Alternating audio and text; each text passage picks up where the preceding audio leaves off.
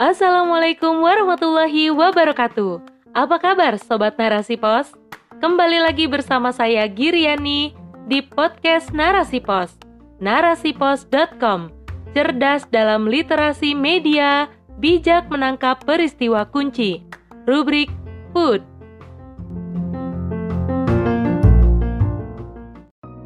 Saffron si rempah emas oleh Dina Nur. Tahukah Anda apa rempah termahal di dunia ini? Bentuknya seperti benang dan berwarna merah. Ia mendapat julukan rempah emas karena berharga mahal laksana emas.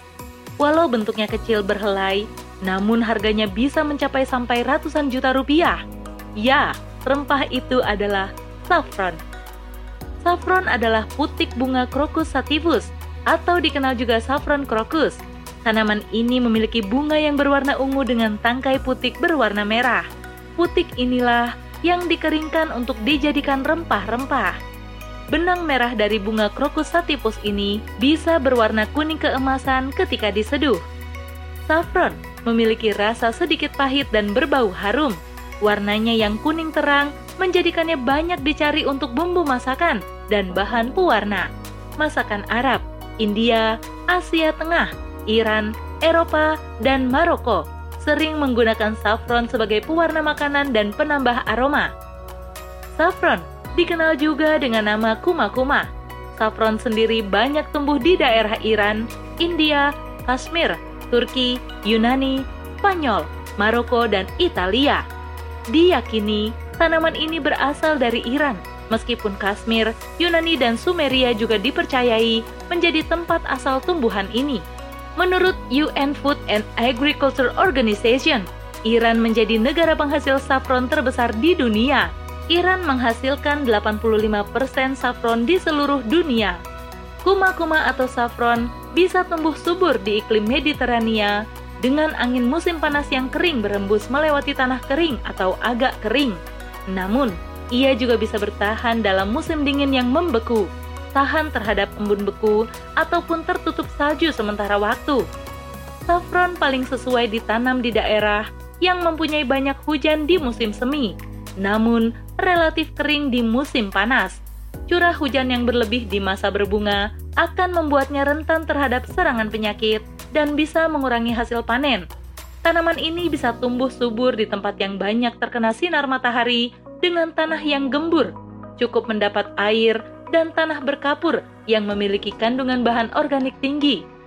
Saffron berharga mahal karena pada masa pertumbuhan dan proses panennya yang cukup sulit. Ia tidak bisa sembarang tumbuh di berbagai tempat. Tanaman ini tumbuh di daerah dengan kondisi yang kering, banyak sinar matahari, curah hujan yang cukup, dan sistem drainase yang baik. Saffron juga harus segera dipetik begitu telah berbunga karena mudah layu. Bunganya mekar di kala fajar menyingsing, Musim panen saffron biasanya di pertengahan musim gugur. Pada sebuah bunga Crocus sativus, hanya terdapat tiga tangkai putik saja. Untuk bisa mendapatkan 1 kg saffron, dibutuhkan setidaknya sekitar 340.000 bunga Crocus sativus. Bayangkan berapa hektar lahan yang dibutuhkan untuk menghasilkan 1 kg saffron. Pantas saja bila harganya mahal sekali. Belum lagi proses pemanenan yang juga harus sangat hati-hati. Putik bunga krokus sativus yang amat halus dan rapuh tidak boleh sembarangan dalam memetiknya. Dibutuhkan pekerjaan tangan yang teliti untuk memisahkan tiap putik saffron dari bunganya. Setelah terkumpul, kemudian putik-putik tersebut dikeringkan. Untuk bisa memetik setengah kilogram putik dari 170 ribu tangkai bunga, dibutuhkan waktu berjam-jam, bahkan seharian lebih. Semua proses tadi dilakukan secara manual tanpa mesin sama sekali. Ini jelas membutuhkan tenaga dan waktu yang tidak sedikit. Dalam saffron, terkandung zat-zat berharga dengan manfaat yang luar biasa. Ada empat komponen bioaktif yang dimiliki saffron. Di antaranya adalah krosin, krosetin, pikrokrosin, dan safranal. Ia juga disebut memiliki 150 senyawa kimia termasuk vitamin B1, vitamin B2, polisakarida, protein, dan flavonoid. Saffron tak hanya bermanfaat sebagai rempah-rempah saja, namun ia juga memiliki banyak khasiat. Manfaat saffron bagi kesehatan manusia di antaranya 1. Sumber antioksidan yang baik Krosin, krosetin, dan safranal adalah senyawa dalam saffron yang menjadi sumber antioksidan.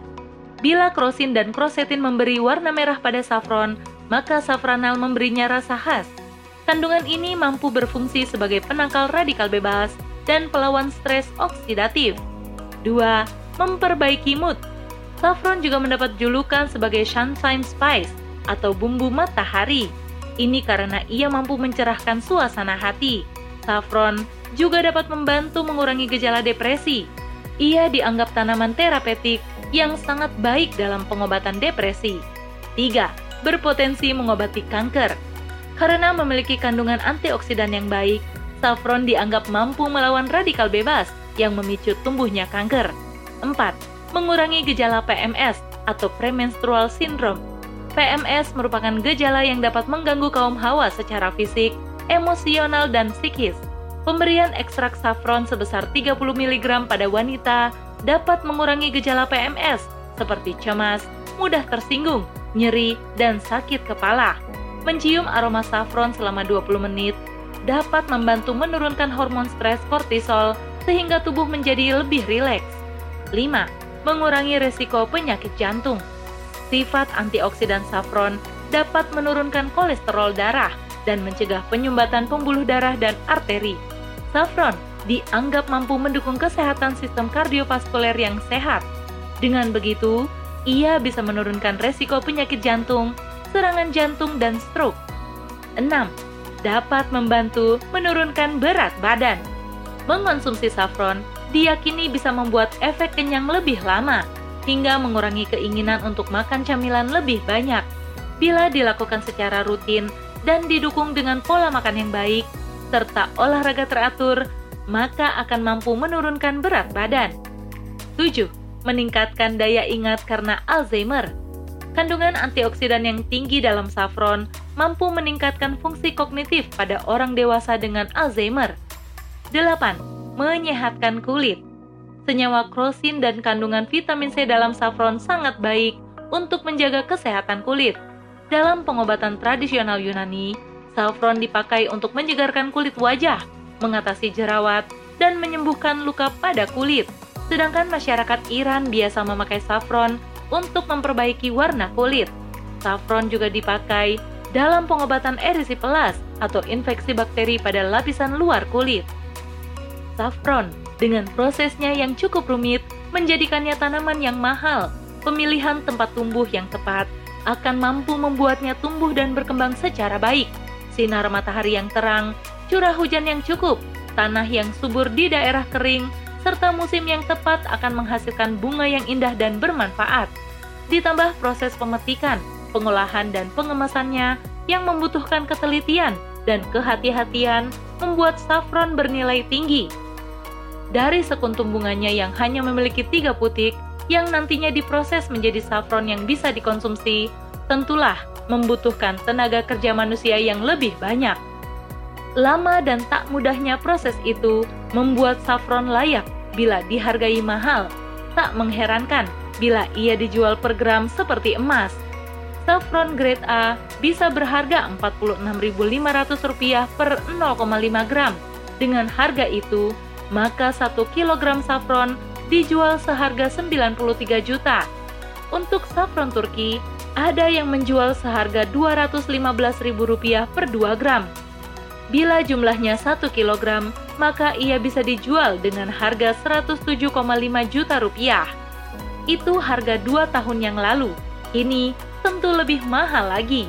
Bila kita cek di situs-situs belanja, akan terpampang harga-harganya yang tinggi Bahkan ada yang menjualnya seharga 165.000 per gram.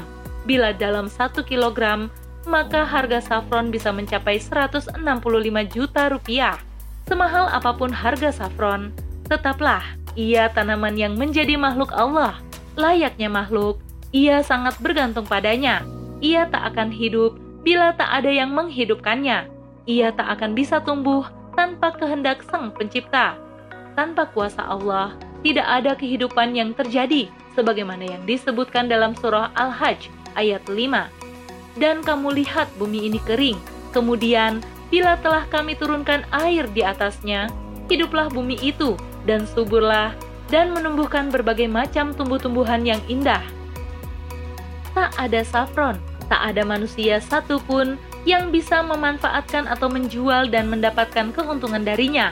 Karena itulah, tak berhak bagi kita untuk menyombongkan diri atas apa yang kita miliki. Justru dengan semua yang ada di bumi, hendaklah menjadi pengingat bagi kita akan kekuasaan Allah yang luar biasa. Betapa kecil dan tak berdayanya manusia di hadapannya, selalu patuh pada perintahnya dan menjauhi semua larangannya adalah yang seharusnya kita lakukan. Menjadi hamba bertakwa itulah yang utama. Di tengah sistem yang serba kapitalistik sekarang ini, ketakwaan menjadi hal yang sangat sulit. Ketaatan di tengah berbagai kemaksiatan merupakan tantangan yang berat segala sisi kehidupan tergerus oleh berbagai pemikiran sekuler yang merusak. Sistem yang mendewakan kebebasan dan nafsu dunia ini membuat manusia mengabaikan dan meninggalkan aturan Sang Maha Kuasa. Karena itulah, ketakwaan seperti barang langka. Ia laksana barang yang mahal harganya. Bertahan di tengah kehidupan yang materialistis membuat hamba bertakwa harus menggenggam akidahnya sekuat tenaga. Bahkan kalau perlu, hingga mengorbankan harta benda dan nyawa untuknya. Mahalnya harga safron tidaklah seberapa bila dibandingkan dengan manusia yang bertakwa, sebab ia yang bertakwa akan mampu mengorbankan apa saja agar Allah ridho padanya. Jadi, yang mahal sesungguhnya adalah ketakwaan hamba pada Allah Subhanahu wa Ta'ala. Hamba yang taat sepenuhnya pada Allah ibarat emas yang tidak ternilai harganya saffron bisa habis. Namun, insan bertakwa tak akan terkikis oleh putaran zaman. Wallahu a'lam bishawab.